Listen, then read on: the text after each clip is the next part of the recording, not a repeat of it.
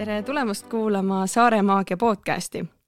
mina olen Liis Järvamägi ja selles saates ma räägin vahvate inimestega, kellel on Saaremaa või mõne muu läänekalda väikesaarega seos.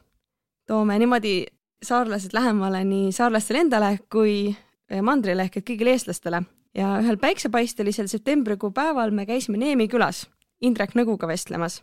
Indrek on looduskunstnik, ta on iseenda kodu kõrvale loonud labürindi ja ta räägibki, et mis on labürint ja kuidas ta nende tegemiseni jõudis. lisaks valmistab ta Austraalia pärimuspille didžeriduusid ja ta räägibki üldsegi oma teekonnast sellesse hetke ja teekonna metafoorist üldsegi niimoodi värviliselt ja, ja laiemalt nii et äh, ma soovingi sulle hästi mõnusat kuulamist. kumb kumba intervjueerib siis? tere, Liis, mul on väga meeldiv sinuga siin saates olla, et kohe, kohe hea on vaadata sind, et sa ikkagi julgesid kohale tulla. siis ma ei teagi veel, mis ma su käest küsima hakkan, aga, aga küll see selgub siis saate käigus. jah, eks siis näib. tore jah, et ma julgesin siia kohale tulla, et, et mind õnneks toodi kohale ja, ja väga tore on siiamaani juba olnud olla siin. et jõudsime siia Mihkel Ranna dendraariumi kõrvale ja siis õnnestus siin ka ühes labürindis käia, üks labürint läbida. Ja selle autor siis juba tervitas teid, juba ütles tere tean, tema nimi on Indrek.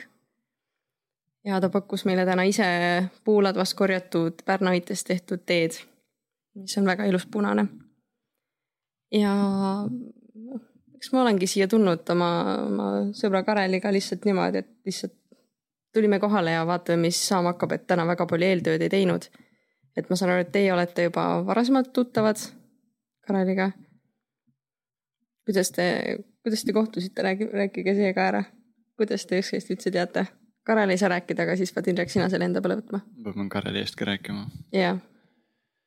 ta kas noogutab või raputab pead siis ega ma väga täpselt ei mäleta, kui ma ei eksi, siis me võisime kohtuda Kadri sünnipäeval äkki esimest korda mm. -hmm.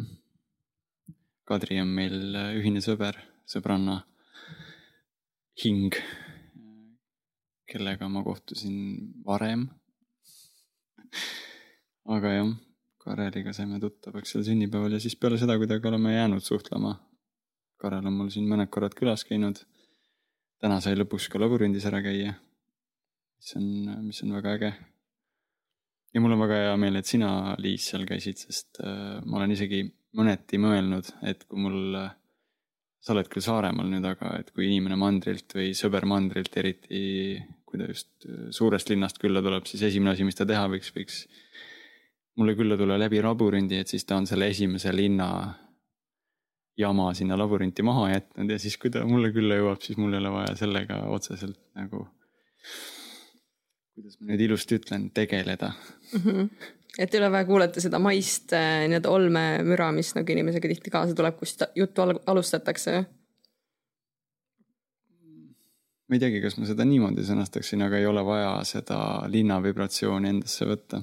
aa, et võtabki vibratsiooni natukene aeglasemaks, natuke rahulikumaks sa jõuad kohale, vaata, kui sa reisid, kui sa lähed punktist A punkti B, siis tegelikult, kui sa ütled tere, siis sa ei ole veel kohal et see mm. võtab natuke aega, et maanduda selle, selle kohaga suhestuda ja sinna kohale jõuda, see noh, teinekord võib see päevi võtta, aga selline esimene kohale jõudmine jõuab kuskil nagu tunni ajaga. niimoodi oleneb, kui hästi sa tuttava inimesega oled, aga, aga endiselt see kohavahetus äh,. vähemalt minu silmis, kas me tahame seda endale tunnistada või mitte, siis see võtab aega, et sa. nüüd ma olen siia jõudnud. mitte see, et äh, tegelikult ma olen alles seal autos või ma olen alles seal eelmises kohas ja siis hetk taipad, nüüd ma olen siin, et see, see võtab aega. lennukiga on see eriti hästi aru saada, kui sa ikkagi lendad üle ookeani, siis järgmine nädal saad aru, et nüüd ma olen kohal et see keski, kes maha jäi, see, see jõudis ka nüüd kohale. ja, et keha jõudis kohale, aga see nagu päris sina jõudis alles hiljem natuke kohale, jah mm,. et siin maismaa peal liikudes on umbes samamoodi, et võib-olla see tüüp, kes sealt mandrilt tuli, et see siis kasutame sõna hing jõudis ka väikse viibega siis sinna kohale ja see labürint aitab selle töö ilusasti ära teha, et lähed jalutad seal natukene. saad mõtte klaariks ja siis oled, oled kohal, oled valmis suhtlema iseendana, mitte teel oleva endana. see oli küll hea jah, see võttiski umbes niimoodi tund aega, et, et äh, sisse ja siis samad teed pidi välja. ja see oli päris huvitav, et äh, sõna labürint kõlab nagu hästi siukene, et me kõik teame, mis on labürint, aga samas minu jaoks oli see ikkagi hästi nagu elevust tekitav, et mis ta siis lõpuks ikkagi on, et kas seal saab ära eksida või kas seal peab ise teid valima või kuidas see nagu käib, et kuidas see tähistatud on. ja, aga see oli imetlusväärselt nagu lihtne, lihtsalt tuli teed järgida ja ma ise ka viimasel ajal üritan saada sellest mõttest lahti, et kuidagi kontrollida nagu mingit tegevust või kuskil olemist, et millal see juba läbi saab või millal juba see lõpp tuleb või või nagu noh, kuidagi eeldada midagi ette, et seal sai hästi seda harjutada, et mitte, et seda oleks väga palju, aga mõni mõte ikka tuli, et huvitav, kas nüüd pärast seda käänakut on see lõpp. aga siis, kui see ka, siis kui see keskpaik käes oli, siis oli nagu, et vau, jess, et nagu tuli kuidagi hästi õigel ajal. kuidas sul üldse tuli mõte seda labürinti teha, räägime selle asja kohe ära, et see ongi sul siin äh, kodu kõrval põllu peal selline labürint siis äh, nii-öelda niidetud siis, et kust ja millal sul tuli idee hakata ise sihukest asja katsetama ja kas see on sinu esimene labürint siin? kuidas ma nüüd vastan sellele väga heale küsimusele, ma kerin natukene tagasi seal tekstis äh, sellesama sinu juurdluse sinna enda sisekaemuse sõna labürindi ümber. mis nagu nüüdki see kinnitus tekitab äh, keskmises eestlases ikkagi segadust, sest meil eesti keeles on minu teada ongi ainult labürint aga inglise keeles on olemas labürint ja maze ja labürint on see, mis tavaliselt ongi see üks sisekaemuslik rännak, kus sa ei eksi ära, sa jõuadki keskmesse ja siis neid on erinevaid skeeme, mismoodi sa sinna keskmesse jõuad, aga sa jõuad sinna keskmesse. ja seal ei ole neid variante, et sa vahepeal võid ära eksida. Maze vastupidiselt sellele on just see, kus sa lähedki. noh, seal sa võid nagu, võidki ära eksida et sellepärast, ma ei tea, on keegi kuulnud, on selline film ka nagu Maze Runner. seal on, seal on maze, seal sa võidki ära eksida ja kohtud erinevate ägedate tüüpidega ja samamoodi on äh, Harry Potteris on maze. seal neljandas osas, kus tuleb eker tuleb üles leida. aga eesti keeles on justkui nende kõikide jaoks ongi ma ei tea, ma võin eksida, võib-olla on teine sõna ka, aga ongi justkui labürint. ja siis, kuidas sa eristad, et lähedki ju labürinti ja oh, ma eksingi seal ära, aga tegelikult äh, jah. labürint on see, kus sa tavaliselt ei eksi ära, on selline sisekaemuslik rännak.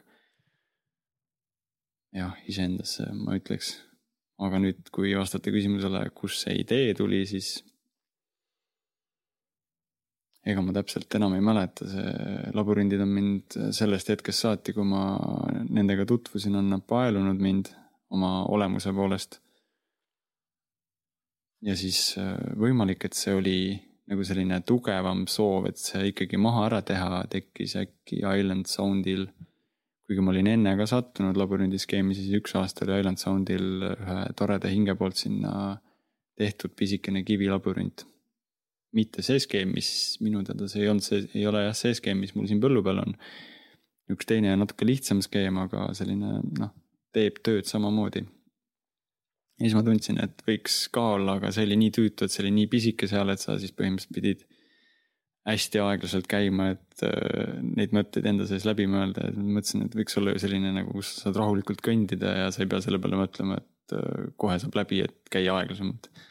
et sa lähedki jalutama, lihtsalt jalutad vabalt ja siis pigem tekib vastupidine efekt, et võib isegi tekkida tunne, et millal see nüüd läbi saab mitte see, et sa vaatad ja sa näed, kus see lõpp on ja sa põhimõtteliselt näed ka, kuidas sinna lõppu jõuda, aga see, mis siin maas on, see hektarine labürint, kus, kus sa vaevu näed seda teist serva labürindil, siis seal sa, seal sa ei adu, kus need rajad on. Ja kui sa seda labürinti heinamaa äärest vaatad, siis sa tegelikult ei saagi aru, et seal üldse midagi on, vaatad lihtsalt, et on üks heinamaa ja no mis ma sellest vahin, sellepärast äh, mõnes mõttes võib-olla ei olegi selline klassikalises mõttes vaatamisväärsus, mida vaatamale tulla sellisele jutumärkides tüüpilisele turistile, et lähen ja vaatan ja kogen, vaid see on just teistmoodi, teistmoodi rännak, mida kogeda, et ei pruugi üldse olla nii äge, nagu sa võisid äh, teleekraanilt või siis arvutiekraanilt näha seda droonipilti ja vaatad, vau.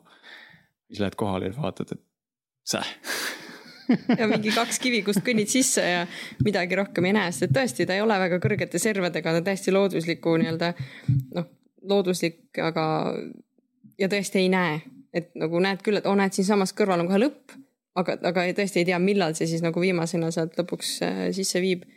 ja kui me hakkasime sinna minema, siis oli ju üks äh, Läti perekond ka just sinna tulemas ja hakkasid sisse minema ja siis me rääkisime sellest ja ja lõpuks nad äh, ei käi-, läinudki sinna, et käisid dendraariumis, tulid, tegid seal meist pilte ja läksidki nagu ära, et et äh, olgugi, et me vestlesime päris kaua, et neil nii kiire ei olnud, aga ju siis nemad otsustasid mitte minna siis seekord, et noh, see on ju noh, nende valik, et äh, jah. aga mis mulle hullult meeldis, oli see, et sa ütlesid, et, et, äh, et see nagu ei ole vaatamisväärsus, aga samas ta ja ta ei ole nagu nii fun, kui sa vaatad talle peale, aga see olenebki, et mis on inimese jaoks fun ja mida ta nagu üldse elust otsib, et kui otsib sihukest nagu mingit teiste poolt väljaspoolt mingisugust nagu erutust, siis ta tõesti seda sealt ei saa, sest et see on igav, sa kõnnid ja sa kõnnid ja see on täpselt samasugune, seal on võib-olla käänukud paremale-vasakule. aga, aga ta on just nagu selle sissevaatamise jaoks hästi olu-, hästi oluline, hästi hea. et äh, tõesti, see on nagu sihuke tunne, et kaks kilomeetrit, aga ma kõndisin seda nagu ja see oli mingi, äkki oligi kakskümmend viis, ei kolmkümmend minutit sisse ja sama palju välja, aga see tundus palju kuidagi sisukam see aeg. olgugi, et ma ei teinud mitte midagi, ma lihtsalt kõndisin seal palju jaolu et see on nagu hästi äge kogemus. kas sa ise olid ka enne käinud mõnes äh, labürindis, enne kui sa enda oma tegid? see lisaks sellele väiksele või sealt kohe hakkaski mõte, et teeme nüüd kohe ise oma mm,? ma vist, vist ei olnud üldse enne labürindis käinud. või, või olin, aga mitte suuremas kui see väike kiviring. Äh, ehk siis jah, teinekord tuleb need kogemused iseenda jaoks luua, mida sa soovid kogeda ma tean küll, et Lõuna-Eestis on ka kuskil põllu peal midagi sarnast, aga sõprade käest kuuldes, et seal ei ole see rada nii selgesti näha kogu aega. ma niidan teda püsivalt siin sisse, et see, see efekt ilusasti iseenda jaoks äh, ilmsiks tuleks. aga jah äh,, mõnes mõttes oli see algusest peale taotluslikult tehtud, see labürint niimoodi, et sinna jõuavad need, kes tunnevad seda soovi ja seda kutset selleni jõuda ja, ja siis oli, omamoodi oli põnev jälgida seda, mismoodi seda avastati, sest ma ei, ei ei kuulutanud teda ülearu, et tulge kõik labürint ja nii nagu võib-olla tavaliselt seda tehakse, kui sa midagi oled valmis teinud, siis kutsud kohale kes iganes, aga noh, see labürint siin sai nüüd mis oli, äkki oli juuni alguses või oli see mai lõpus sai, juuni alguses sai ka ju ERR-i poolt kajastuse seal AK uudistes. ja ka sinna mul ei olnud vaja seda kuulutada, et tulge vaadake, labürint on vaid seesama Margus, kes selle sinna, selle uudisklipi tegi, avastas pooljuhuslikult selle, tuli dendraariumist lugu tegema ja tõusis drooniga siit parklast õhku ja siis ohoo, mis asi see on, et kust see siia sai, et mismoodi ma ei tea, et see siin on. Ja vaata kui äge. ja et ei olnudki võimalik teada, sest seda ei olnud kuulutatud ja ega siiamaani samamoodi. sellepärast ma olin natuke üllatunud, et see Läti pere teadis, et seal on, et eriti kuna nad on lätlased, et siis. no ma ei tea, kus review's see on siis kirja pandud, et äh, Mihkel Ranna dendraariumi kõrval on ka labürint. Vikipeedias äkki oli mingi, no kunagi ei tea ju, kuidas need asjad liiguvad yeah.. ma ei ole sellele ülearu keskendunud, ma olen lihtsalt teinud selle labürindi ja siis usaldanud, et see jõuab nendeni, kelleni see jõudma peab ja. ju siis pidi siis nendeni ka jõudma, et nad täna täpselt sellel ajal jõudsid ja. ja meie ka siin ekslesime enne kuskil mingisugustel veidratel teeradadel, et ei jõudnud otse kiiresti siia, vaid siis, kui see Läti pere hakkas just sisse minema ja kuulsime ka kõiki neid lugusid ja asju aga Indrek, räägi, kust sa tuled, kust sa üldse pärit oled, oled sa Saaremaa inimene, oled sa kuskilt mujalt? Vot see on nüüd tõesti väga hea küsimus, et kust ma pärit üldse olen U. ultraspirituaalsed inimesed läheksid kohe Nad oleksid kohe mingi meie inimene räägib ei, kas just seda, aga ma just mõtlen, et läheksid seal, et kust planeedilt ja nii edasi. aga kus sa nagu jah? ma olen ikka korralik maakas. maakas, maa seest tulnud, maa pealt tulnud maa, maainimene nii mitmes plaanis, nii planeedi plaanis kui ka siis äh, elukoha plaanis, et ma olen täpselt siitsamast pärit, kus me praegu juttu ajame mm. -hmm. ma olen üles kasvanud siinsamas majas äh, Neemi külas. ja jah, nii on, ega ma ei teagi, kas, kuidas ma sellele pikemalt vastaksin. siit on, ma pärinen jah. see ongi hea arusaadav ja lühike vastus kas sa oled äh,? kust sa tuled? siit ma tulen siitsamast, onju, ma olen kogu aeg siin olnud, aitäh, et minu juurde tulid. aga see, kas sa oled äh, vahepeal äh, kuskil kaugemal ära ka käinud või oled sa kogu aeg siin olnud ja mis sind siin hoiab? või mis sind siia tagasi tõi, kui sa oled vahepeal ära käinud? mis mind siin hoiab? see on ka väga hea küsimus, ma vist jäängi seda kordama kogu selle jutuajamise vältel, et see on väga hea küsimus. Esimesel, mis mulle pähe tuli, et no siin on katus pea kohal ja, ja toit on laual, et päris tihti sellest juba piisab. et on... inimest kuskil hoida. siin on väga kena siukene kodune ka. no teine koht on äh, maal elada, ma olen alati eelistanud seda, kuigi ma elasin circa viis aastat ka Tallinna linnas. oli ka kasvukoht, äh, oli tore kogeda oli tore kogeda Tallinna linna, praegu ma jäin just mõtlema, kuidas erinevad inimesed seda Tallinna linna kogevad, et kes seal üles kasvanud on ja mis, mismoodi nemad seda kogevad, nad, nad kogevad seda kui kodu ilmselt, sest see on see koht, kus nad on üles kasvanud ja ja nende kogemus, maailma kogemus on suuresti seotud selle, siis selle keskkonnaga, kus nad on üles kasvanud, minu jaoks oli Tallinna linna minna ja seal üles, või noh, seal siis edasi kasvada.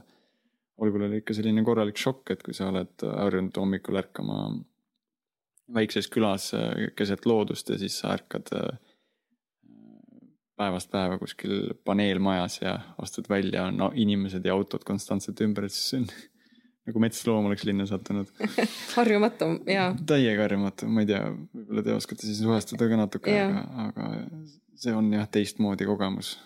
samas, äh, samas väga väärt kogemus ja ma saan mõnes mõttes isegi kadestan neid inimesi, kes praegu linnas elavad, sest see efekt, kui sa linnast maale lähed, see on lihtsalt, see on nagu, see on võimas. see vaikus ja need tähed seal taevas ja ne, see puhas õhk ja see on lihtsalt. jah, see on, see on hästi tugev kogemus, kui sa, kui sa niipidi liigud, kui sa põhikola, põhikohaga elad linnas ja käid maal, siis jah see maal käimine on ikka üks tõsine kogemus, et samamoodi maal elades sa harjud selle maaga ära ja, ja siis, siis see on teistmoodi kogemus, see on su igapäevane kogemus, mida sa enam ei märka. nagu pahatihti nende või hea tihti nende oluliste asjadega elus, et äh, me kipume nendega ära harjuma. et siis on aeg-ajalt hea, kui need meilt ära võetakse. jah, vahepeal on hea käia mandril ja vahepeal on hea käia linnas, et siis jälle tagasi tulla ja siin selles teises vaibis natukene edasi kulgeda mis sulle siis kõige rohkem siin äh, maal elamise juures nii-öelda endale meeldib, et mis sulle siin teha meeldib näiteks? no millegipärast tuli kohe mulle see algusaeg tagasi, kui ma maale tagasi tulin, et mis mulle siis ja siiamaani väga teha meeldib ja millest ma aeg-ajalt puudust tunnen, kui suve, suvekiirus peale tuleb, et mulle meeldib lihtsalt käia looduses jalutamas äh,, rabas ujumas äh,, meres ujumas allikalt vett toomas, äh, kõik selline. Need väiksed asjad meeldivad siin maal olles kõige rohkem.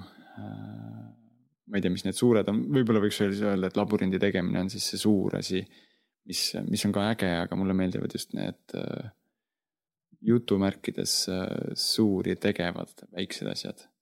ehk siis minu, minu jaoks selle aasta mantra on olnud no, ta tuli inglise keeles, et uh, the next big is small.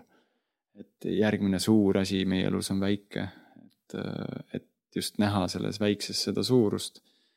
selline lihtne jalutuskäik hommikul päiksetõusu ajal või siis uh, õhtune jalutuskäik päikseloojangu ajal, see on kogemise ja võib-olla hinge avardamise mõttes on see kõige suurem asi üldse, mida igapäevaselt teha, et. ja siis süüa seda pliita peal, elusa tule peal tehtud toitu ja, ja lihtsalt äh, märgata seda, kuidas aastaajad vahetuvad, märgata seda, kuidas linnud ära lendavad ja üht, ühtäkki tekib ümberringi selline üha sügavam ja sügavam vaikus, mis äh, võib-olla siis seal veebruari lõpuks hakkab juba liiga vaikseks muutuma. ja siis, siis kui esimesed linnud hakkavad tagasi tulema, kuidas need hääled ja kuidas, äh, kuidas need lõhnad aasta, aasta ringi muutuvad, et see on selline minu meelest maal tuleb see selline hästi ehedalt esile, selle, see kogemise rõõm, see, see, kuidas kõik on pidevas muutuses äh, ja hästi vaikses muutuses. ja siin on seda võimalik märgata linnas äh, linnas sa üks hetk märkad, et lumi on maas ja siis järgmine hetk märkad, et lumi on ära läinud. ja siis on, korra on hästi palav ja siis järgmine hetk on hästi külm. okei okay,, nüüd ma võib-olla natuke liialdasin, aga, aga hästi palju jääb märkamata. Jah, see vist oleneb elutempost ka, et mida sa lubad endal märgata, et kui käidki, keegi kunagi ütles hästi, et me äh, läheme kastist teise kastiga kolmandasse kasti ja siis tuleme selle kastiga sealt tagasi sinna esimesse kasti, et nagu kastist kasti, et aga mis ongi nagu noh, mõnes mõttes elu osa, et käid ja tegutsed ja oled, aga, aga nagu näha, siis siin saab natuke teistmoodi, eks ju. et ei, ei pea ennast nii väga kastistama. mis äh, Tallinna elu sulle muidu üldse õpetas, sa nüüd ütlesid, et väga õpetlik.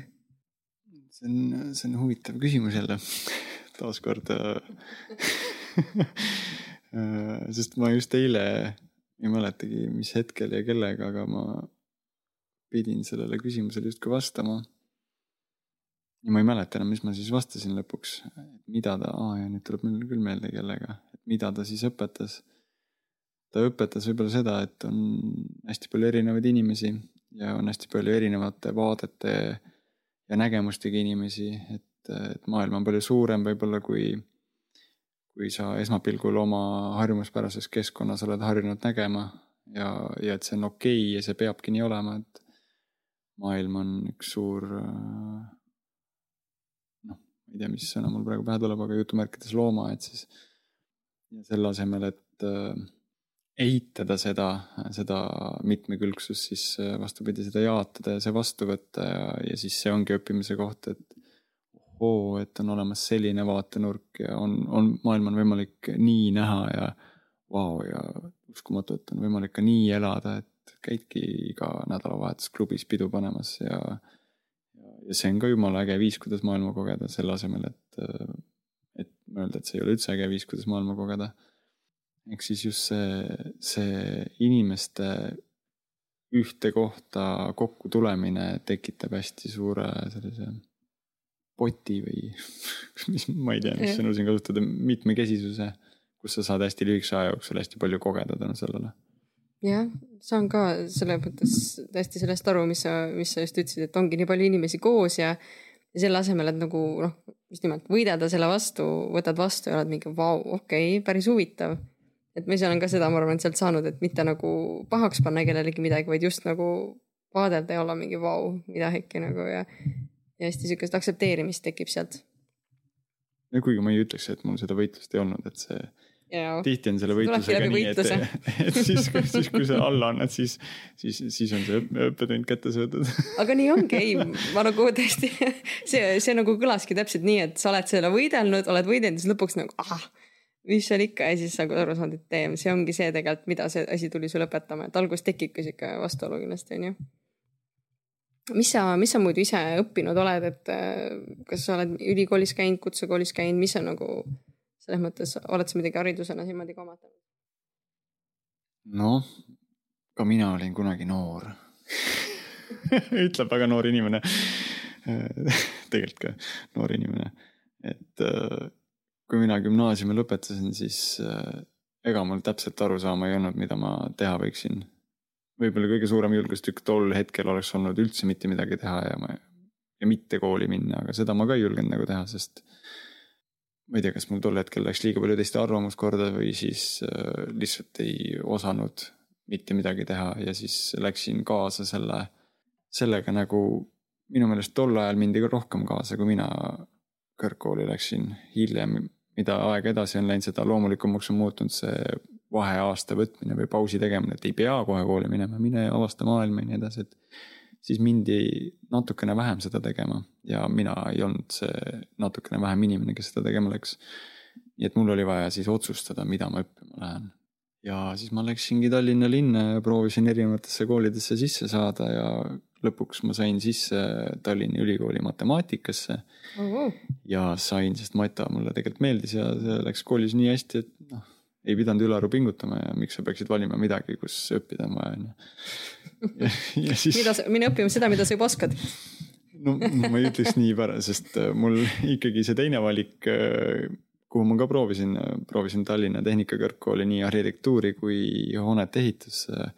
Ja kuna ma jäin napilt sealt äh, tasuta kohast arhitektuuris välja, siis ma läksin sinna teise valikusse, ehk siis hoonete ehitust õppima Tallinna Kõrgkooli, kus oli ka kõrgem matemaatika, nii et ma sain seda matemaatikat ka.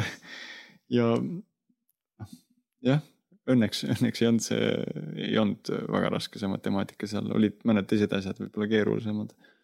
aga, aga hoonete ehitus ilmselt sellepärast see oli ka miski, mille, mille keskel ma olin üles kasvanud, isa kõrval õppinud ehitama ja, ja siis äh, niimoodi suveti selliseid väikseid ehitusasju teinud, et see tundus selline loogiline valik ja selline turvaline ja hea valik ka tol hetkel, sest ehitajaid on ju alati vaja ja head ehitaja, hea ehitaja ei jää mitte kunagi tööta ja nii edasi, et see tundus nagu ju oluline, et äh, tuleviku peale mõeldes sul on ikkagi töökoht olemas ehk siis kindlus nii materiaalses kui immateriaalses mõttes, see turvatunne, et sa oled leidnud oma koha.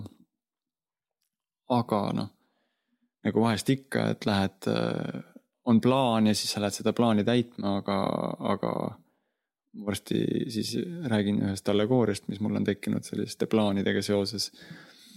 aga siis ma läksin seda plaani täitma ja siis asjad ei läinud päris nii, nagu võib-olla alguses sai plaanitud, et ma juba seal teise, teise kursuse alguses hakkasin aduma, et võib-olla ma ei olegi sellesse päris õigesse paati veel jõudnud, et äkki oleks vaja seda paati vahetada, aga, aga paadi vahetamine on ka teinekord suur julgustükk, et noh.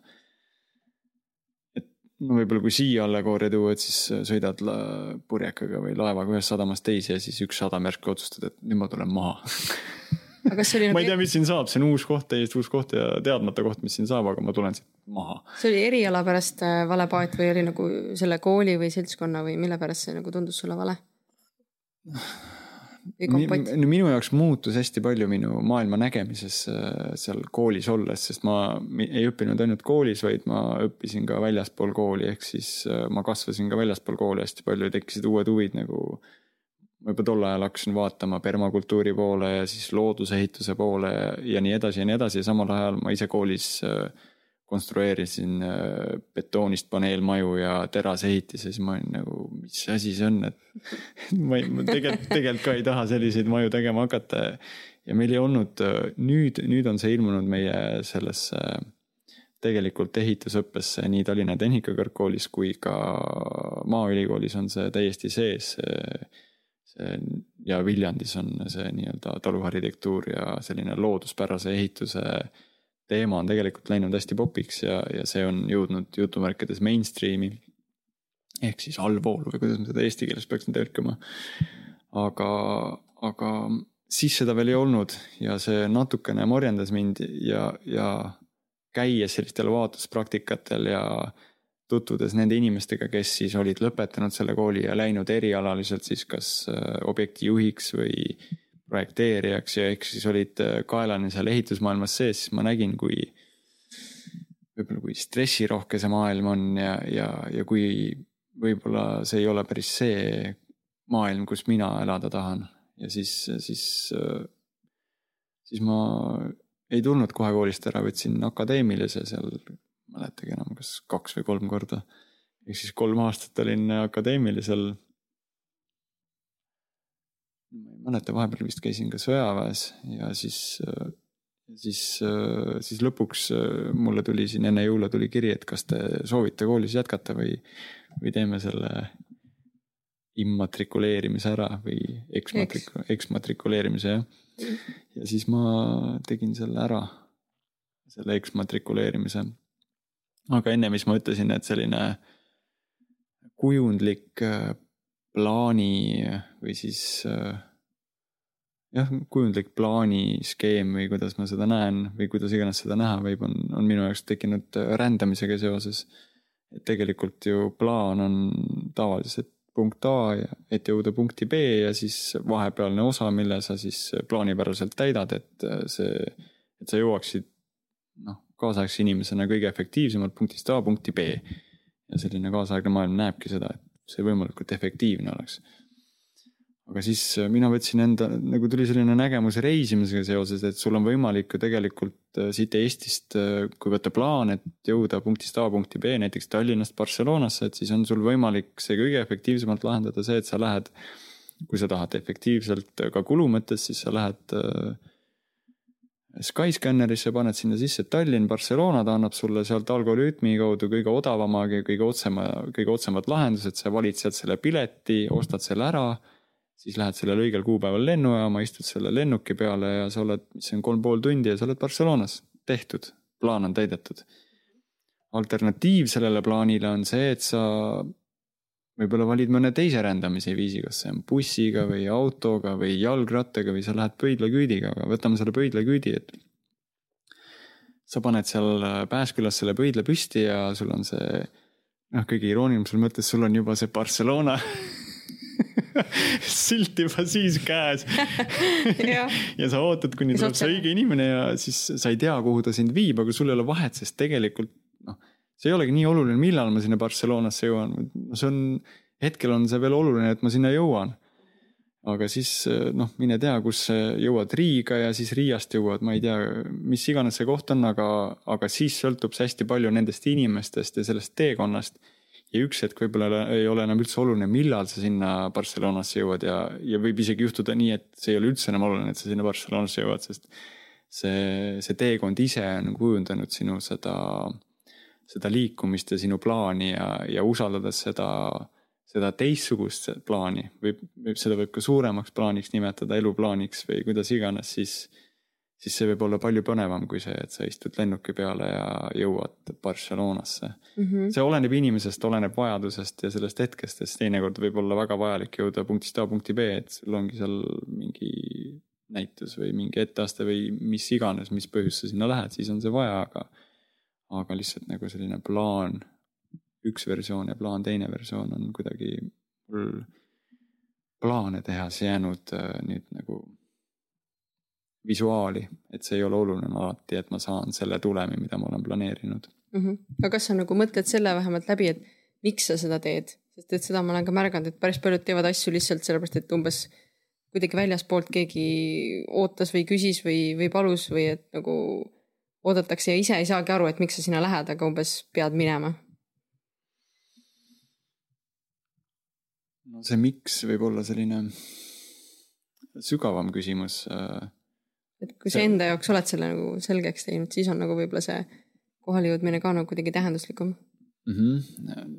no jah, ma ei, ma ei tea, kas ma olen selle peale niimoodi mõelnud selle nurga alt, aga mis mulle praegu noh praegu minu jaoks see teekond on seesama jutuajamine, ega me ei, ju ei tea, mis küsimuse me küsime ja me ei tea, kuhu see jutt viib.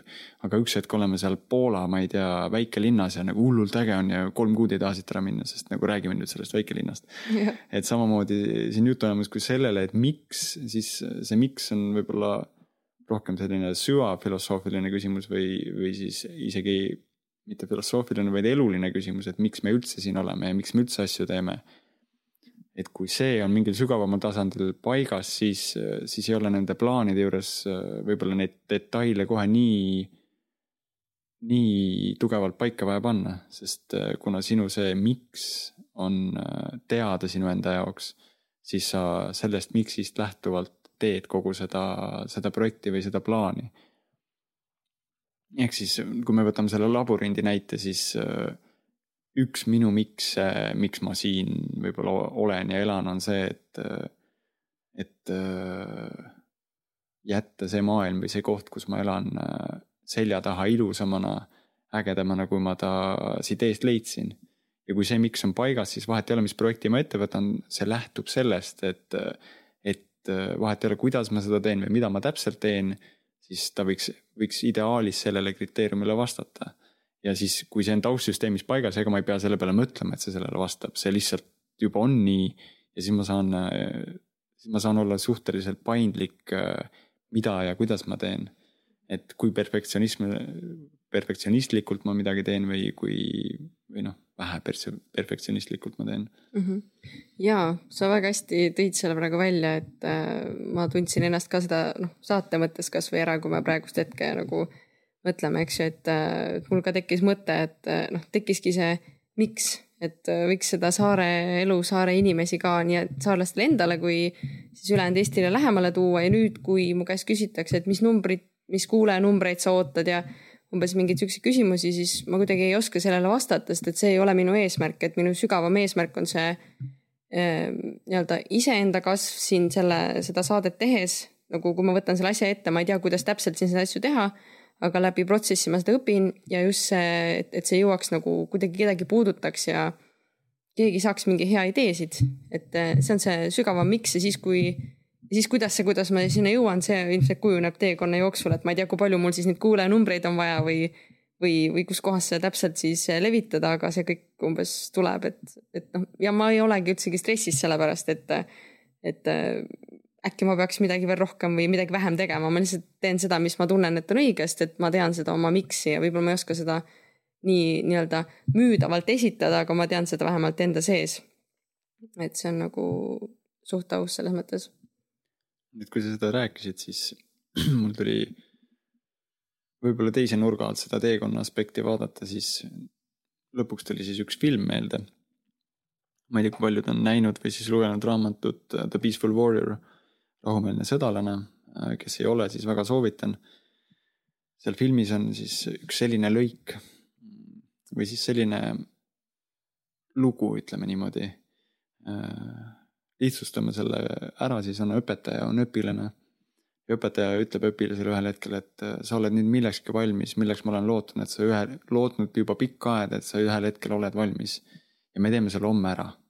Tule homme hommikul seal jääma, seal mäejalamil äh, valmis ja ma näitan sulle, mida ma olen sulle tükk aega tahtnud näidata. siis see õpilane on hullult nagu elevil, et lõpuks ta näeb, lõpuks ta saab selle nagu, selle miski ja siis, äh, siis ongi hommikul varakult on seal mäejalamil ja jalutavad neli tundi ülesse mäkke. ja, ja kogu tee ajavad seal juttu ja õpilane hästi-hästi põnevil ja elevil ja siis lõpuks äh, ta küsib õpetaja käest, et no millal me kohale jõuame. Siis õpetaja ütleb, nii, nüüd me oleme kohal. mida sa mulle näidata tahtsid siis? kehitab selle õlgu ja siis vaatab sinna mõlema jalge ees olevale väiksele kivile et mida siis, kas siin, siin rohu peal on midagi huvitavat või mis siin täpselt on? ära ütle, et see on see kivi. jah, see on see kivi kas selle kivi juures on midagi nagu midagi põnevat siis või, või kas see on mingi eriline kivi või? ei, see on lihtsalt kivi ja siis äh, see õpilane on algul väga pettunud äh, sellest, aga siis järgmisel hetkel ta saab aru, et tegelikult see kogu see matk, kogu see reis ei olnud siis selle kivile, kivi juurde jõudmise pärast. samamoodi nagu pöidlaküüdiga sinna Barcelonasse või minemine ei ole sinna linna jõudmise pärast, vaid see on selle teekonna pärast.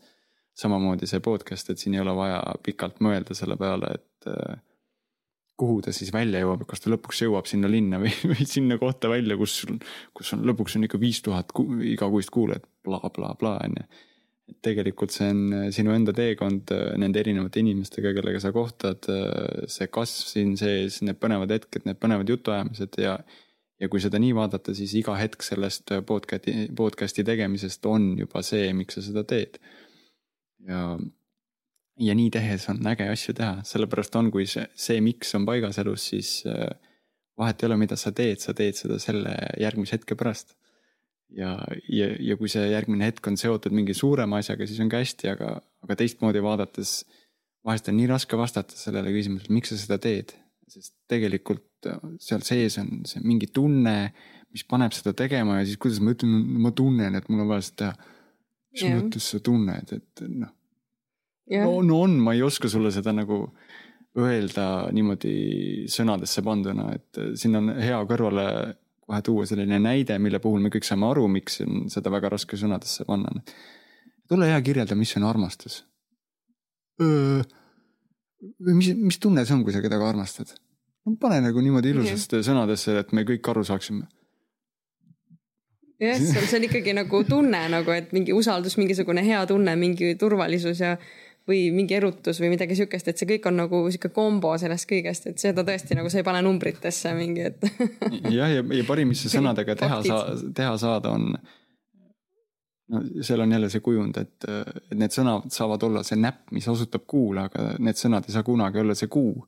ehk siis nad ei saa olla kunagi olla see miski, millest me läbi sõnade räägime, et et sellepärast on väga oluline, vähemalt minu silmis meeles pidada sõna, et seda, et sõnadesse ei tohi kinni jääda, nad alati osutavad sellele miskile. aga nad ei ole mitte kunagi see miski. ja see läheb päris tihti meil siin maailmas ja. kuidagi kaduma, et me jääme nendesse sõnadesse kinni, selle asemel aru saada, et kõik need sõnad viitavad millegi, nad on see viide. ja see, kui keegi sulle midagi ilusat või isegi või, või näiteks teisest otsast halba ütleb, siis see sõna ei, ei, ei nagu pane sind ju tundma, vaid see, kuidas sa seda sõna vaatad, see, kuidas see sõna nagu sind mõjutab, sellest tekib see tunne, et sõna on ainult seesama viide või seesama mm -hmm. nagu päästik, et et mõnele inimesele üks lause kõlab, kõlab ühtemoodi, teisele teistmoodi, et, et see on nagu tõesti väga hea nii-öelda kõrvutus siin, et see, et sõnad on ainult tee, nii-öelda see tee, mille peale sa, sa saad astuda. Aga see tee ise nagu on seal kogu aeg, tema ei vii sind kuskile lõppu, et sa saad ainult astuda seal peal. sihuke äge, kas sa oled muidu ka nii nagu sügavamõtteline või täna ainult selle Pärna aia tee peale või nagu räägid asjadest nagu nii põhjalikult ja nagu, nagu nad on või nagu nad no ma räägin asjadest niimoodi, nagu ma neid näen ja üldjuhul äh, jutuajamised aitavad mul need vastused esile tuua. et selleks, et äh, ma oskaksin millelegi vastata, on vaja jutuajamist, on vaja küsimust, millele vastata et, et muidu, kui me nendest jalutuskäikudest äh, räägime, siis hästi palju on seotud nende samade jalutuskäikudega, sest need on aidanud mul Saaremaale tagasi tulnuna hästi palju asju lahti mõtestada, ehk siis minna jalutama. vahepeal mulle meeldis hästi palju käia pimedas jalutamas. ehk siis õhtul peale kella kümmet või noh, talvel ei ole vahet, kogu aeg on pime, aga, aga just sellisel põhimõtteliselt uneaegsel ajal jalutada vaikse ilmaga tähistaeva all, see on selline hästi avardav kogemus ja see tihti juhtus see, et olin omi, omis mõtteis lihtsalt jalutad ja ühel hetkel jääd seisma ja siis mõtled selle mõtte lõpuni, mis oli lahti hargnema hakanud ja siis jälle said millestki aru. ja arusaamine on minu jaoks, et kuidas sa ütled, et sa said millestki aru, arusaamine on see, et aa. Mingid punktid nagu lähevad kokku. jah, see, see, see pusle, mingid tükid läksid paika ja siis sa näed seda, teinekord on, oled mingid raamatud lugenud, eks on erinevaid, erinevaid raamatuid, erinevaid filosoofiaid ja erinevaid nägemusi loetud ja siis, siis vahest juhtus selle jalutuskäigu ajal tuli meelde mingi asi, mingi lugu, mis jutustati seal. no praegu, mis lugu mulle meelde tuleb, on, kui me väikse loolise kõrvalepõike teeme, on see jutustus, kus noh, natukene idafilosoofiat on ka siia, siia teadvusesse imbunud on jälle õpetaja ja õpilase lugu, kus äh, üks selline hästi agar õpe, õpilane läheb õpetaja juurde, kuule, tead, et ma olen kuulnud, et äh, sinu juures mediteerides saab viie aastaga valgustunuks. aga, aga, aga mis siis, kui ma val, nagu, nagu mediteerin kaks korda rohkem ja teen joogat ja kõiki asju. et kas ma siis saan kahe ja poole aastaga? õpetaja ütleb kümme ehk siis suure tõenäosusega, noh, ja siis üks hetk jalutades saad aru, et mida ta selle all mõtleb. nagu tunned sisemiselt, et aa, sel-, seda mõtleb, et need esimesed viis aastat on sul sellest tihalusest vaja vabaneda ja. ja siis hakkab alles päris töö pihta ja siis, siis jõuadki sinna ka, et, et neid kiirteid, kuna me korra siin rääkisime ka sellest kaheks, kaasaegse inimese efektiivsusest, siis meile meeldib neid kiirteid justkui hästi kasutada, sest tahaks juba kohal olla ja ja juba nagu olla saavutanud ükskõik mida, aga tegelikult sa oled kohal sel hetkel, kui sul ei ole enam oluline, millal sa kohale jõuad. sest siis, siis sul on see juba olemas see on väga hea point, sest et ega mina nagu olen ka märganud, et nagu tehes tulevad oskused, mitte kuidagi nagu seda paberit kätte saades või mingisugust asja, et, et no kui sa, ongi täpselt seesama, et siitsamast ju ka labürindist, sa näed, kuidas saad otse lõppu nagu mingi väikese shortcut'iga on ju aga see, kui kõndida siit shortcut'ist otse lõppu, no see ei õpetanud ju mitte midagi, see on see, et jess, ma olen lõpus enne kui teised, aga, aga mis see siis nagu, mis sul siis sisimas, sisimas muutus, mis nagu noh, tõesti, see ongi see, et mida keegi nagu taotleb, eks ju, et hästi tihti tahetakse, et ruttu lõppu, siis ma nagu näen teistest kõvem välja ja siis tulen ruttu tagasi ja siis ootan teisi seal tund aega, et noh, et mis, mis nagu see on, aga võib-olla see on jälle tema teekond, on ju jah, no see ongi see. millal ta mõistab nagu seda, et mõni ei mõistagi, et ja ta ei jõua kuidagi sinnani, et, et. no see on jälle see väga hea ja väga lai teema, teema jutumärkides vabadus. miks ma ütlen jutumärkides vabadus, on see, et minu meelest meil seda vabadust ja vaba tahet on palju vähem, kui me tihti arvame, just sellepärast, et meil on erinevad need nii-öelda sisse töödeldud ja sisse käidud mustrid, mõttemustrid ja, ja teinekord me võib-olla on võimalik aru saada sellest siis, kui, kui me näeme, kui raske on mingit harjumust muuta. Äh, see ei, ehk siis see on sisse kujunenud harjumus, et äh, no nüüd läheb natukene hüppeliseks hetkeks, aga, aga mul tuli meelde see, et kui mina lõpetasin gümnaasiumi, läksin sinna Tallinna Tehnika Kõrgkooli ja nagu ma eelnevalt mainisin, siis mingil hetk mingid asjad muutusid ja ma tundsin, et see ei ole päris see tee, kus ma olla tahan ja ma hakkasin juba siis mingeid muid alternatiive vaatama ja siis, siis üks hetk tuli see taipamine, et täitsa lõpp, et ma olen kaksteist aastat käinud koolis, ma olen kaksteist aastat äh, mind, ma olen või siis mind on programmeeritud kaksteist aastat maailma nägema mingil kindlal moel. Äh, ja siis ma adusin, aga, aga see ei ole võimalik, et ma sellest äh, programmist nagu sõrmenipsuga välja saan. Et suure tõenäosusega mul läheb nüüd kaksteist aastat aega, et, et, et sellest vabaneda, ehk siis see nagu sellest välja tulla ja, ja, ja noh ma ei tea, kas sellepärast, et ma sisestasin endale, et see kaksteist aastat võtab või siis äh, tõepoolest see võttis kaksteist aastat aega.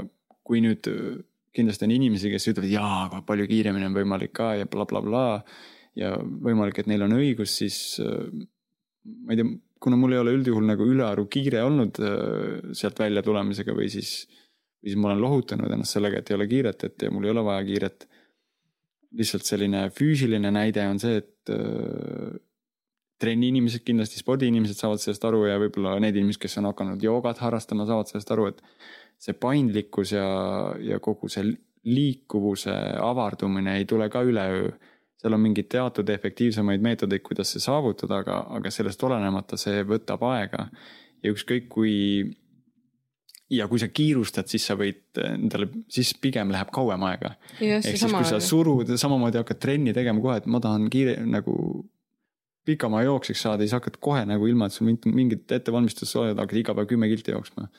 et siis kolmandal päeval on sul jalad nii haiged juba, et sa ei taha jooksmist näha ka ja yeah, siis nullist, äh, nullist teise nädala alguseks sa mõtled, et ma vist ikka ei ole jooksmise jaoks mõeldud, et tegelikult lihtsalt on, on vaja rahulikult alustada. Mm.. see tundub päris paljudel olevatki see, mis see motivatsiooni ära tapab, et kohe nagu äh, tehakse liiga suured äh, plaanid ja, ja just see on seesama vaata, et et kui ma tahan nüüd kahe poole aastaga saada siin valgustunuks, siis ma teen lihtsalt kaks korda rohkem, aga tegelikult see kuidagi pikas perspektiivis ei, ei tööta.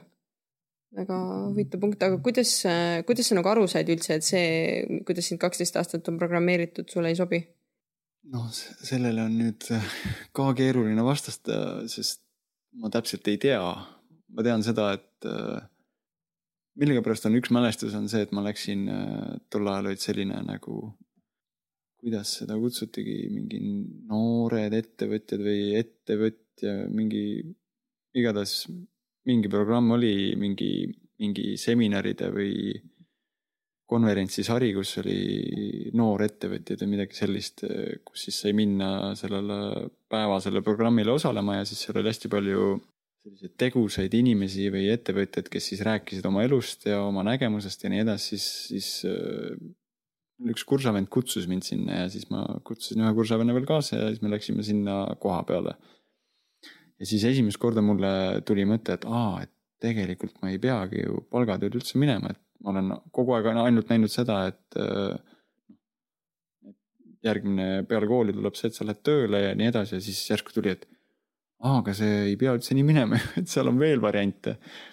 ja siis sellest variandist alguses ma arvasin, et okei okay,, see ongi see teine variant on see ettevõtjaks saada ja siis, siis ma käisin mõnda aega ka justkui selle sooviga ringi ja siis, siis ma mõtlesin ka selle soovi lõpuni ja siis ma nägin, et jaa, aga seal on ju veel variante, et, et eks siis, aga lihtsalt ma siiamaani näen, et see üks hetk pani, tekitas mingi pausi ja võimalik, et ma selleks hetkeks seal Tallinnas olin juba piisavalt meeleheitel, et öö, äh, olla vastuvõtlik muutusele sest tihtipeale me, see muutus on viimane asi, mida me oma ellu soovime, sest see on äh, või tihtipeale me soovime seda, aga see on nagu viimane asi, mille me oleme valmis vastu võtma, sest ja. see tähendab seda, et me peame reaalselt ka muutuma. me peame ise muutuma selleks, et see muutus tuleks, aga seda muutust me ei taha või ei oska teha. jah, sest me peame selleks äh, päris palju oma elus muutma. ja, ja siis me äh, peame vastu võtma selle, et me ei olegi sellised, nagu me oleme ennast näinud või, või meid on oodatud nagu noh, nagu meist on oodatud ja nii edasi, eks ju, et see. see on hästi-hästi ümmargune ring, selles mõttes küll jah. Kas sa praegu siis äh, teed ettevõtja tööd või mis sa täpsemalt praegu siis teed? mulle meeldib, äh, ma enam ei mäleta ka täpselt, kus see, kas see, see Saaremaa kunstistuudio andis selle nime mulle või tuli see sealt ERR-ist või andsin ma ise neile selle nime, aga see looduskunstnik, mulle meeldib olla vabakutseline looduskunstnik, see võtab suures plaanis võib-olla minu missiooni või siis praeguse tegevuse kokku, et sinna sisse põimub hästi palju väiksemaid tegevusi, siis nagu võib-olla didžerituude tegemine ja, ja siis selliste labürindiprojektide ellutoomine ja mahamärkimine.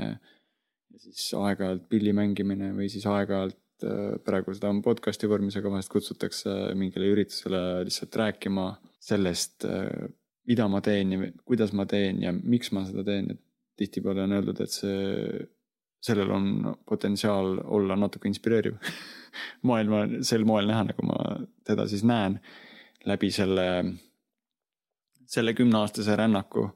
et uuesti tuues see Hispaaniasse mineku näide, et siis, et, et asi ei ole sihtpunkti jõudmisest, vaid asi on teekonnast, et, et siis, kui see teekond ise on vägev, siis, siis jah, aga millal sa selle looduskunstniku tegevusega siis alustasid, kas pärast äh, kooli tulid tagasi, siis hakkasid või juba kuidas linn, kuidagi linnast tekkis mõte, ma, ma täiesti usun, et asjad tulevad suvaliselt. et äh, tulevad lihtsalt kuidagi kätte, kas see Didgeridoo lugu oli sul ka selline, et lihtsalt keegi tõi pilli? Didgeridoo lugu, sa oled tuttav selle looga? ma lugesin jah, nagu sellest. no ma võin selle põgusalt üle jutustada veel. ja mis see Didgeridoo üldse on, kes ei tea, aga ma ise olen ka seda ühe korra näinud ainult korra vaata teist korda veel. Wow, mul siin toanurgas on kaks tükki uh,. Didgeridoo on siis Austraalia aborigeenide selline ürgne instrument, mis on teekonnapill, millega nad jutustavad lugu ja, ja see vibratsioon ühtlasi on ka selline tervendusinstrument, äh, loob vibratsiooni, mis äh, võib sinu energia välja tuua harmooniat. ja nüüd seda, olles seda mänginud, siis ma täitsa usun, et see nii ka on. aga Didgeridoo minu ellu ei tulnud läbi selle, et ma kuskilt oleks näinud Didgeridood ja mõelnud, vau, see on nii äge pill, ma tahan seda pilli endale saada ja ma hakkan seda mängima, vaid vastupidiselt sellele võib natuke haakuda sinu äsjase ütlemisega, et äh, sellised asjad võivad suvaliselt täiesti juhtuda või, või seal ei ole mingit korda.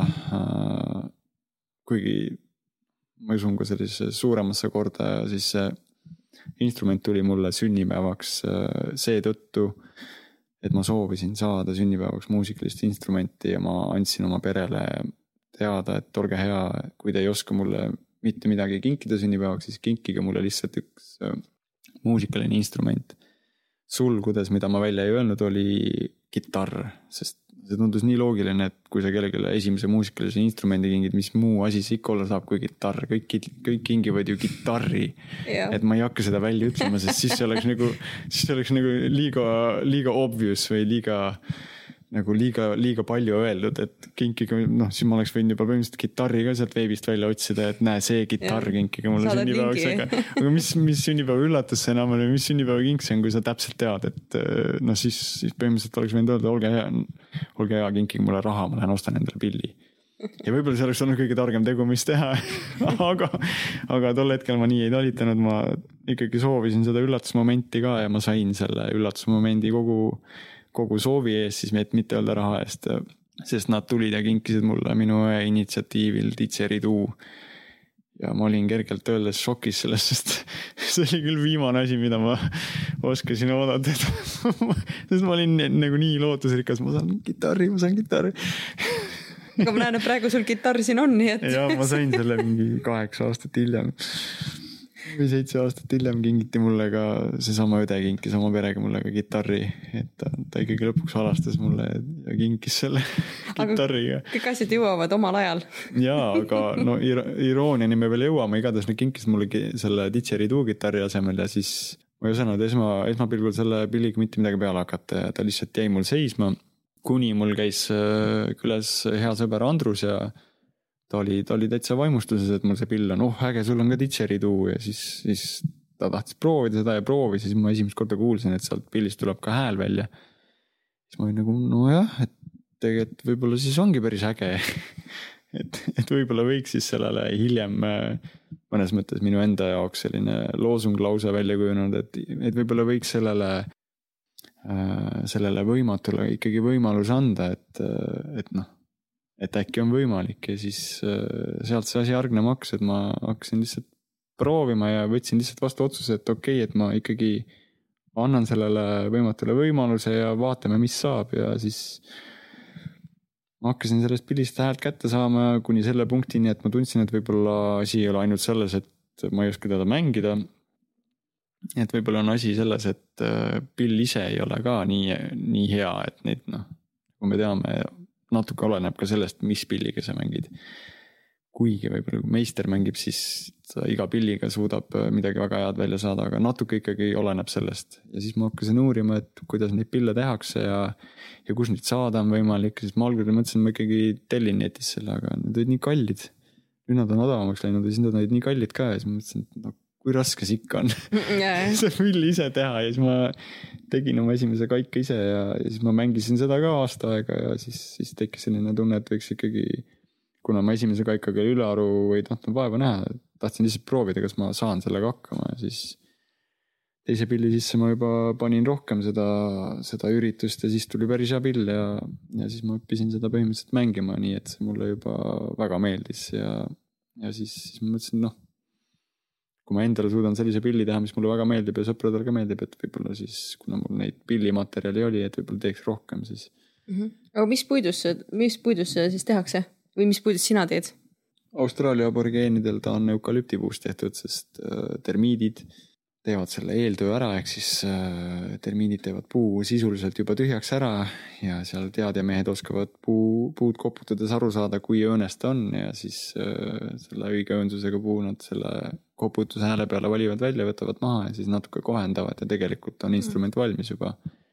ilma, et sa ülearu palju peaksid seda tegema. see on loodusehitus. jah looduse ehitab. ja, ja siis, siis aga tänapäeval tehakse neid hästi palju muud moodi, mis on avardanud tegelikult didgeridoo selle helimaastiku ja helikosmose hoopis, hoopis teisele tasemele ja ma arvan, et see ei ole ka olnud juhus ja see on, see on pigem hea, et neid on tegema hakatud ka valge inimese poolt ja, ja ka mujal maailmas, ehk siis see pill tänu sellele, ma usun, on jõudnud palju rohkemate inimesteni ja, ja võib-olla on ka surve sellele kohalikule eukalüptipuule, mida massiliselt selle pilli populaarsemaks muutumisel hakati maha võtma, mis tegelikult tekitas Austraalia loodusele omajagu kahju läbi selle mm. Et siis nagu iga asjaga, mis populaarseks muutub, siis, siis inimene kohe läheb ja ütleme siis muutub ahneks mm. ilma piirideta. et siis, siis on äge, aga kuna mul, kuna sa kasutasid sõna loodusehitus ja mul tuli meelde, millest me mingi aeg tagasi rääkisime, ehk siis. Et kust see siis looduskunstnik on tulnud või, või siis, või et ei ole juhus, siis tegelikult see loodus on olnud päris pikka aega sees selles ka ettevõtlikuks olemises, sest sest äh, teine ettevõte, ma ei hakka sellest esimesest praegu rääkima, sest sellest on äh, mu sõber rääkinud kuskil mujal podcast'is põgusalt. teises võtmes aga, aga see teine ettevõte, mis mul praegu ka aktiivsena veel püsib, äh, on nimega Looduslooming tegelikult. ehk siis juba siin, palju sellest möödas võib olla, kaksteist aastat tagasi ma, isegi rohkem Äh, kui ma selle nime välja valisin, siis ma väga hoolega valisin seda nime välja, ma tavaliselt selliseid olusid nimesid ei vali üle niimoodi. see ei tule üleöö, seal ikkagi läks juba ettevõtte nime väljavalimine võtab kuu või kaks kuu või kaks äh, labürindis jalutamist? Äh, no siis ei olnud labürinti, aga. siis oleks kiiremini tulnud kindlasti no võimalik, kuigi Lähed taotlusega la, labürindi puhul läks mul nädal aega, et äh, paika panna see, kust ma labürinti sissekäigu teen. et labürint ise oleks võinud nädalaga või päevaga maha märkida, aga ma ei saanud seda teha, sellepärast et ma ei teadnud, kus kohas see sissekäik teha ja see võttis aega, et ikkagi erinevad versioonid peas läbi käia ja siis aduda, et see esimene tunne on ikkagi see kõige parem. -hmm. aga juba, aga juba jah, siis sai pandud äh, ettevõttele nimeks looduslooming, mis minu meelest võtab Äh, teistmoodi seal looduskunstnik on võib-olla selline kunstipärasem, aga looduslooming on äh, hästi universaalne nimi minu, minu jaoks siiamaani, et ta võtab kokku kõik, kõik asjad, mis ma teen, et pillid, jutuajamised, muusika, minu jaoks ta, see kõik on looming, mis tuleb loodusest ja läbi selle, et mina olen nii palju, kui ma tunnen, et mul on vajalik, sest looduses olemine minu jaoks on üks ikkagi põhivajadus, mitte lihtsalt äh, lihtsalt siis mingi kõrvaline tegevus, mis. Good to have nagu. ja mitte selline lihtsalt, aga see on, see on vajadus reaalselt on seal looduses käia ja olla ka ja seal kontakti luua selle loodusega. sest äh, kui siin vahepeal sai meditatsioonist või joogast rääkides, siis või ükskõik mis praktikast rääkides, siis või teraapiast rääkides, siis minu, minu jaoks on üks kõige suuremaid terapeute või kõige suuremaid praktikaid, mis mind kõige rohkem on aidanud, on needsamad jalutuskäigud looduses ja metsas ja siin väljade keskel, et see on teinud kõige rohkem tööd minu võib-olla siis ja kõige rohkem aidanud mul neid mõttemustreid lahti arutada ja, ja sisemist tööd ära teha iseendaga. täitsa mõnes mõttes kadestan neid inimesi, kes on harjunud looduses käima, et ma ise olen põllu peal üles kasvanud sihukese noh, mitte päris suure tee, aga ikkagi nagu maantee ääres ja nagu ei ole olnud seda tahet, et a läheks kõnniks kuskil, et ikka on kruusatee ja mingi põld, et, et ja nagu sa enne rääkisid harjumuste muutmisest, siis tõesti, nüüd kui ma Saaremaal elan natuke rohkem sellises kohas, kus on nagu rohkem, rohkem sellist loodust, kus saab ka käia, siis ei ole seda harjumust minna. ei ole seda harjumust ja, ja see võtabki aega, et isegi kui mandril elasin teises kohas, kus oli rohkem metsa, kohe raba oli sealsamas kõrval või vähemalt soine ala, siis ka päris paljud imestasid, oh, sa elad ju maal ja nii edasi ma mõtlesin, vaatasin endale otsa, et jah, ma elan maal, aga ma enamus ajast olen toas. et see on päris, päris äge, et sa oled nagu selle harjumuse endale loonud ja, ja nagu võtadki sealt seda nagu inspiratsiooni ja noh, kõike, mida sul on vaja eluks üldse nagu.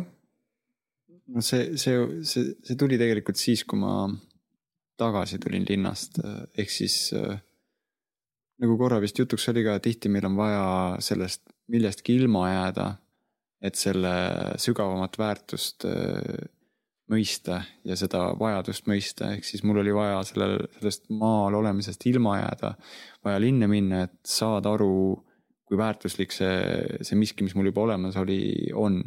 Ja sellepärast ma tegelikult, äh, kui, kuigi nähakse siin ütleme nii, et vanemad näevad, et kõik noored lähevad maalt ära, nad peavadki ära minema ja see on ainuõige võimalus, et elu maal säiliks, on see, et need, kes siin on üles kasvanud, ära läheksid. et nad aru saaksid, äh, mis neil siin on, sest kui nad väga, ma usun, et väga vähe on neid, kes kogu aeg saavad aru, kui oluline see on, mis neil siin on, ilma et nad näeksid, mis mujal on. Ilma, et nad kogeksid sellest ilmajäämist ja, ja ma arvan, et ma, ma ikkagi kogesin selle, sellest ilmajäämise läbi. Ja kui ma tagasi tulin, siis mõnes mõttes oli ju valiku koht, et jätsin kooli pooleli, et mis siis nüüd edasi teha, kas minna siis niimoodi maailma rändama nagu äh, võib-olla paljud sõbrad on läinud või, või siis tuttavad või siis hoopis võõrad inimesed, aga võttes neid eeskujuks, et minna maailma rändama, siis tulin siia Saaremaale tagasi ja siis mõtisklesin selle üle ja siis sain aru, et no ma võin ju minna sinna maailma rändama, aga, aga tegelikult ma ei tea sedagi kohta, kus ma elan. et ma olen mingid harjumuspärased äh, teed, ehk siis äh, need teed, kus metsas puid sai tehtud ja, ja noh. see tee, kuidas mere äärde sai mindud, et äh, neid ma teadsin, aga ma ei, tegelikult ei teadnud, kus ma elan. ma ei olnud neid metsi otsast lõpuni läbi käinud, mille keskel ma elan ja siis ma, siis ma alustasingi seda avastushetke enda jaoks, et. käisin hästi palju niimoodi sihitult metsas jalutamas, et ma tegelikult avastasin peaaegu iga kord uusi kohti. Lihtsalt läksin jalutama, see ei olnud oluline kui pikalt ma jalutan või kui kaugele ma lähen või kuhu ma välja jõuan, ma lihtsalt läksin ja siis teinekord oo, ma siia ei ole veel läinud yeah. ja siis lähed ja siis avastad mingi hästi ägeda suure puu või, või sellise künka või siis mingi uue kivi või siis äh, mingi uue vaate või siis näed äh, põtru, kitsesid, hirvesid, rebaseid, keda iganes. Ja see alati tõi rõõmu ja sellist avastamisrõõmu ja siis, siis niimoodi ma õppisin oma ma ei ole nii palju võib-olla Saaremaad läbi käinud nagu siin osad inimesed, aga oma kodu ümbruse ma tegin endale selgeks äh, siin esimese mõne aastaga niimoodi, et. et ma tean, mis ümberringi metsas on ja, ja hiljem, hiljem, mis mõttes, mis mõnes mõttes on hästi palju minu edaspidist elu ka mõjutanud, on see, et ma oma kohalikku metsa tundsin enne, kui neid lageraieid massiliselt tegema hakati. Siis otse loomulikult oli hästi kurb äh, seda üha uuesti ja uuesti kogeda, kui sa nendes vanades heades tuttavates laantes ringi uitad ja sa jälle näed, et siia on auk sisse tehtud ja. ja neid puid enam ei ole ja seda kohta enam sel kujul ei ole, nagu ta enne oli aga, aga selline see elu meil on ja mõnes mõttes ma näen, et see on täpselt seesama osa, millest on siiamaani jutuks olnud, et selleks, et mõista, kui oluline see mets meil on, on meil sellest lihtsalt vaja ilma jääda. ja enne on vaja seda nagu teadvustada endale ka, sest et kui sa oleks teadvustanud, siis ei oleks nagu väga sihukest nagu tunnet ka, et näh, nüüd ei ole, on ju. et ma arvan, et sihukest nagu südamega asjade teadvustamist ja kohalolu ja seda on ka nagu, eks ju, enne vaja see on nii äge nagu, mis sa, kust sa tuled ja mis sa, mis sa teed ja ilmselt sul on nagu ma ei tea, kas sul on mingi kindel plaan, kuhu sa lähed või sa nagu tead oma seda miks'i ja lihtsalt lähed? kuidas sa seda kirjeldaksid, kuhu sa, kuhu sa lähed ja miks sa lähed, tahad sa seda jagada ka? no kui ma tagasi toon selle siis, selle aja veel, kui ma Tallinnas elasin ja nendel, kuidas ma nüüd ettevõtlusseminari, seminaridel käisin, siis mul on jää, meelde jäänud kuidagi üks, üks naisterahvas, kes töötas pangas ja kes ütles, et vastupidiselt teistele, kes seal rääkisid oma viisaastakute ja kümneaastakute plaanidest, mis neil on juba ette kujutavad ja kuidas nad kõike teevad ja blablabla bla, bla, siis üks naisterahvas ütles, et mul pole õrna aimu ka, kuhu ma välja jõuan siin järgmise viie aastaga, et mul mingi ähmane ettekujutus on, aga ma ikka üritan päevast päeva elada. Ja siis ta oli kuidagi nii teistmoodi nende teiste keskel, siis ma mõtlesin nagu vau wow,, et et ka nii on võimalik vaadata, et see mõnes mõttes oli nagu minu jaoks lohutav noore inimese jaoks, kes siis äh, ümbritsetuna sõpradest, kes ka rääkisid, et ja, lõpetab kooli ära ja siis tuleb see blablabla bla, bla, ja. nagu oskasid võib-olla siis suurelt unistada ja näha, et kõike, mida nad soovivad saavutada ja mul oli see, et nagu no, mina ka täpselt ei tea, mul oli rohkem nagu see, et nagu ma ei tea, siis mul on vähemalt see üllatusmoment. ja küll sa kuidagi kuhugi ikka jõuad. ja, et elu üllatab ja, aga no, no, no mõnes mõttes ma ei saa ka lõpuni öelda, et mul ei olnud mitte mingisugust äh, soovi ja, ja, ja, ja nägemust, et, et võib-olla mul oli selline tagasihoidlikum soov, et äh, ma, ma soovisin, et mul oleks hästi palju vaba aega ja et et ma saaksin valida neid asju, mida ma teha tahan ja, ja elada maal ja nii edasi, et ja selles suhtes see soov tegelikult täielikult täitus, et üks yeah. hetk, üks hetk ma olingi maal ja, ja ma käisingi lihtsalt äh, jalutamas ja ja mul oli suhteliselt vaba graafik ja vaba voli teha seda, mida ma soovisin, et siis see tegelikult sai, täitus ja ma siiamaani usun, et, et soovid täituvad. ehk siis äh, tuleks väga ettevaatlik olla sellega, mida me soovime. see ja, ja see tuleks läbi mõelda, mida see kaasa toob, mida me endale soovime, sest ühel hetkel see soov on sul ukse taga ja mis sa siis teed. jah, siis on sul see didgeridoo on seal äh, sul seal nii-öelda kingikotis ja vaata, mis sa sellega peale hakkad, et kui täpselt ei ütle, mis instrumenti, olgugi et peas on kitarr, kitarr, kitarr, aga kui me nagu universumile seda ei ütle, siis ja, ja teistmoodi, teistmoodi, kui me nüüd siia soovideni millegipärast jõudsime, siis äh, üks hetk seda soovimist ma hakkasin ka sel, sel moel nägema, et tegelikult me ei soovi, et meie soovid täituksid. Äh, või siis ma võiks öelda, ma ei soovi, et teiste eest mitte rääkida. sest mida ma siis teen, kui see soov täide läheb? selline suur unistus on imeilus asi, mida mm -hmm. omada. ja, ja nii kaua ta sul on olemas, kuni ta täitunud ei ole ja see hetk, kui ta täitub, siis sul ei ole seda, sa ei saa sellest iga päev enam unistada. ma unistan sellest, et ma saaksin üks hetk maal elada ja mul oleks seal tore olemine ja nii edasi siis üks hetk on ta sul olemas ja ta on sul iga päev. ja sul on need kõik argipäeva asjad ka, mis sellega kaasas käivad.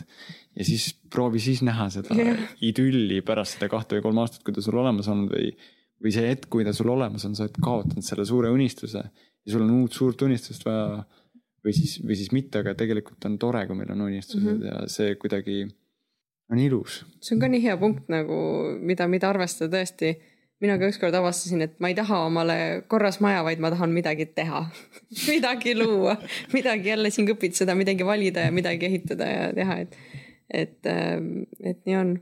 aga mm, ütle meile, Indrek, lõpetuseks seda, et mis sinu meelest on saare maagia vaat sellele küsimusele on ka väga hea vastata, sest see on jälle üks väga hea küsimus. Ma ei saa sellele vastata, sest siis ei ole enam maagia äh,. nagu siin just paar päeva tagasi tuli see mõttesse, et äh, no ütleme siis, et äh, ilma seletuseta maagia on endiselt maagia.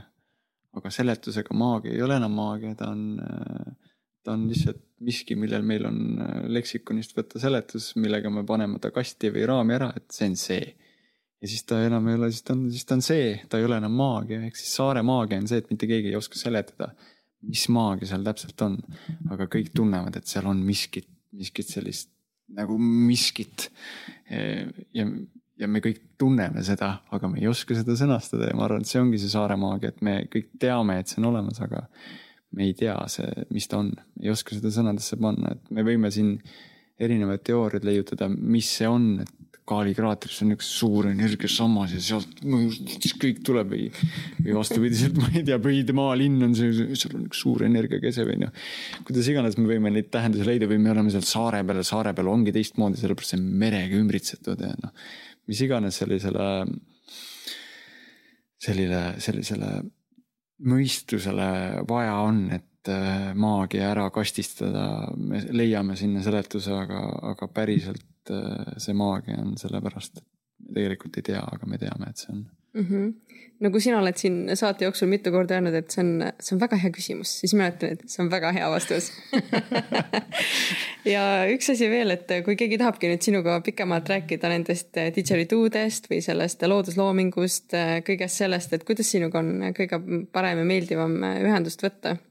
Mul ei ole visiitkaarte välja anda, ehk siis äh, seda võimalust ei ole, et mulle saab saata postiaadressi ja ma saan saata teile visiitkaardi postkasti. aga mul on olemas Facebook, mida ma vahest äh, külastan ja Instagram, mida ma veel vähem vahest külastan. ehk siis ja mul on olemas meiliaadressi, mille ma arvan, et leiab Facebookist üles, ehk siis noh, nagu selline keskmine juba natukene varem kui, vanem kui väga noor inimene ma olen kuulnud, et noored on Instagramis, veel nooremad on Tiktokis ja siis natuke vanemad noored on siis Facebookis ehk siis. Et igaüks saab ennast siin ära kategoriseerida. kes soovib, see leiab me ülesse. siin ei olegi midagi muud öelda, et, et kui me väga midagi soovime, siis on see võimalik ja selle, sellepärast ma ilmselt võib-olla kõiki asju liiga lihtsaks ei teegi, et et kui sul on väga on soov, siis sa leiad selle labürindi ülesse, kui sul on väike soov, siis sa ei leia ja väga hea, et sa ei leia. see on väga õige, et tulevad need, kes tulema peavad, kes vaeva näevad ja kes on nii-öelda seda heas mõttes väärt, eks ju, et kus, kes ise piisavalt panustavad selleks, et midagi head vastu saada mm.. okei okay., aga me, väga meeldiv, sinuga räägiks veel pikemalt ja ma arvan, me räägimegi, aga praeguseks, tänaseks korraks, siis ma arvan, et sellest piisab sellest sissejuhatusest, nii et aitäh sulle, Indrek, et meid vastu võtsid ja nägemise ja kuulmiseni ja aitäh, Liis, et sa selle mõtte õhku viskasid. ja Karel, et sa selle tehnika siin üles seadsid ja kõikidele nendele kuulajatele, kes siis selle podcast'i lingile vajutasid ja selle lõpuni kuulasid, tuleb ka suur aitäh öelda. siis äh, järgmise korrani siin või seal